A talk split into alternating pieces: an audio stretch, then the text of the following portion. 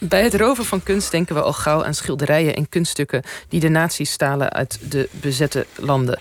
Maar kunstroof is zo oud als de weg naar Rome. Letterlijk.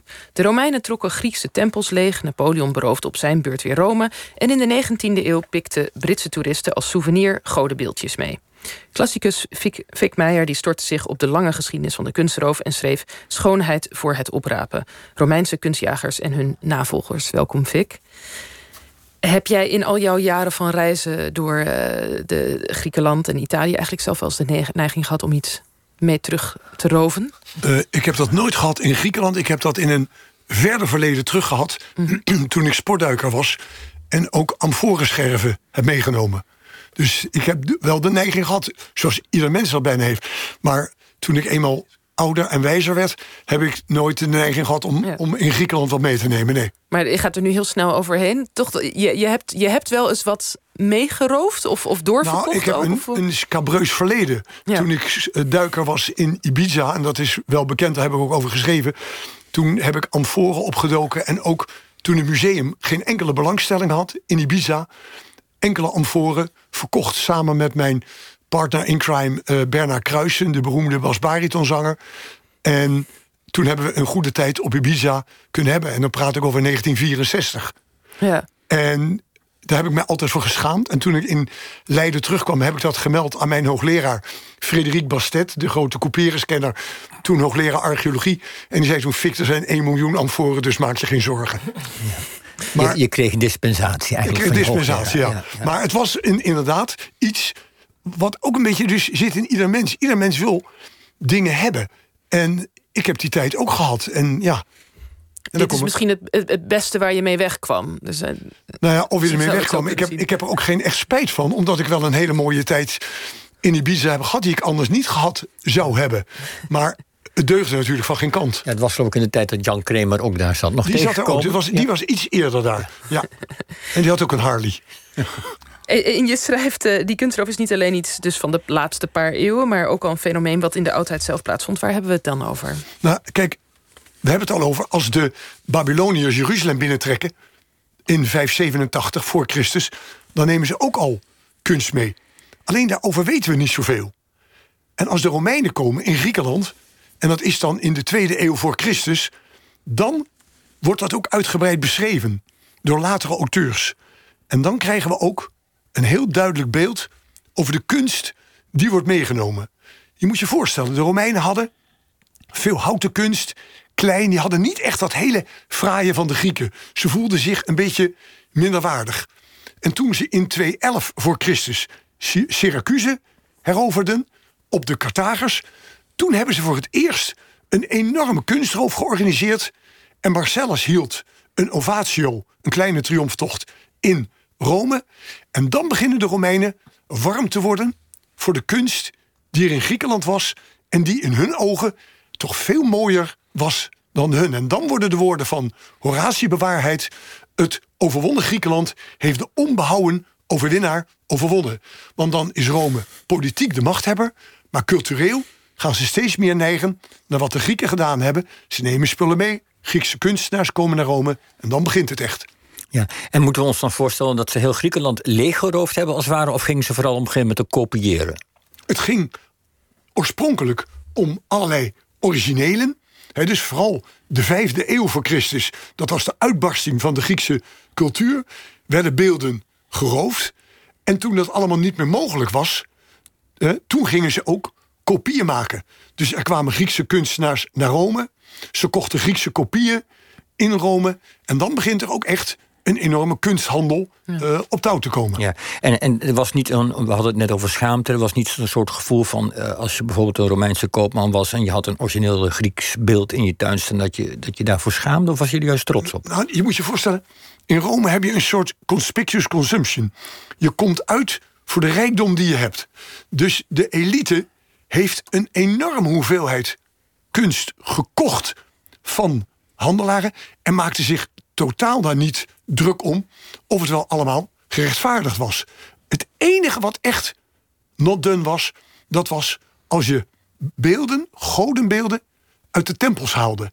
Want dat kon niet. Dat waren de Grieks-Romeinse goden, allemaal dezelfde goden. En dat kon je niet doen. Je kon geen beeld van Zeus uit een tempel halen en tentoonstellen Dat in de publieke ruimte of in de privéruimte in Rome. Dat was heiligschennis. Dat was een beetje Ja, heiligschennis. maar klopt het nou een beetje? Ik heb altijd de indruk dat die Romeinse cultuur... dat dat eigenlijk de eerste echte snops op aarde waren. Ja, er waren, onder de Romeinen waren natuurlijk enorme snops. En er waren ook echte enorme rovers onder de leden van de elite. Denk aan de meneer Verres. De- Eh, meneer Verder, ik denk aan meneer Verder, zegt vind ik mij geen idee. meneer Verres is de grootste kunstrover uit de oudheid. Die was gouverneur op Sicilië. En heeft daar alles gedaan wat God verbood. Hij haalde tempels leeg. Stadhuizen haalde die leeg. Uit de publieke ruimte, uit de privéruimte. En hij heeft de pech gehad, voor zijn nagedachtenis... dat hij Cicero tegenover hem vond. Die een pleitreden gehouden heeft tegen hem. Een heel lang verhaal. En daardoor weten we alles wat er allemaal is gebeurd.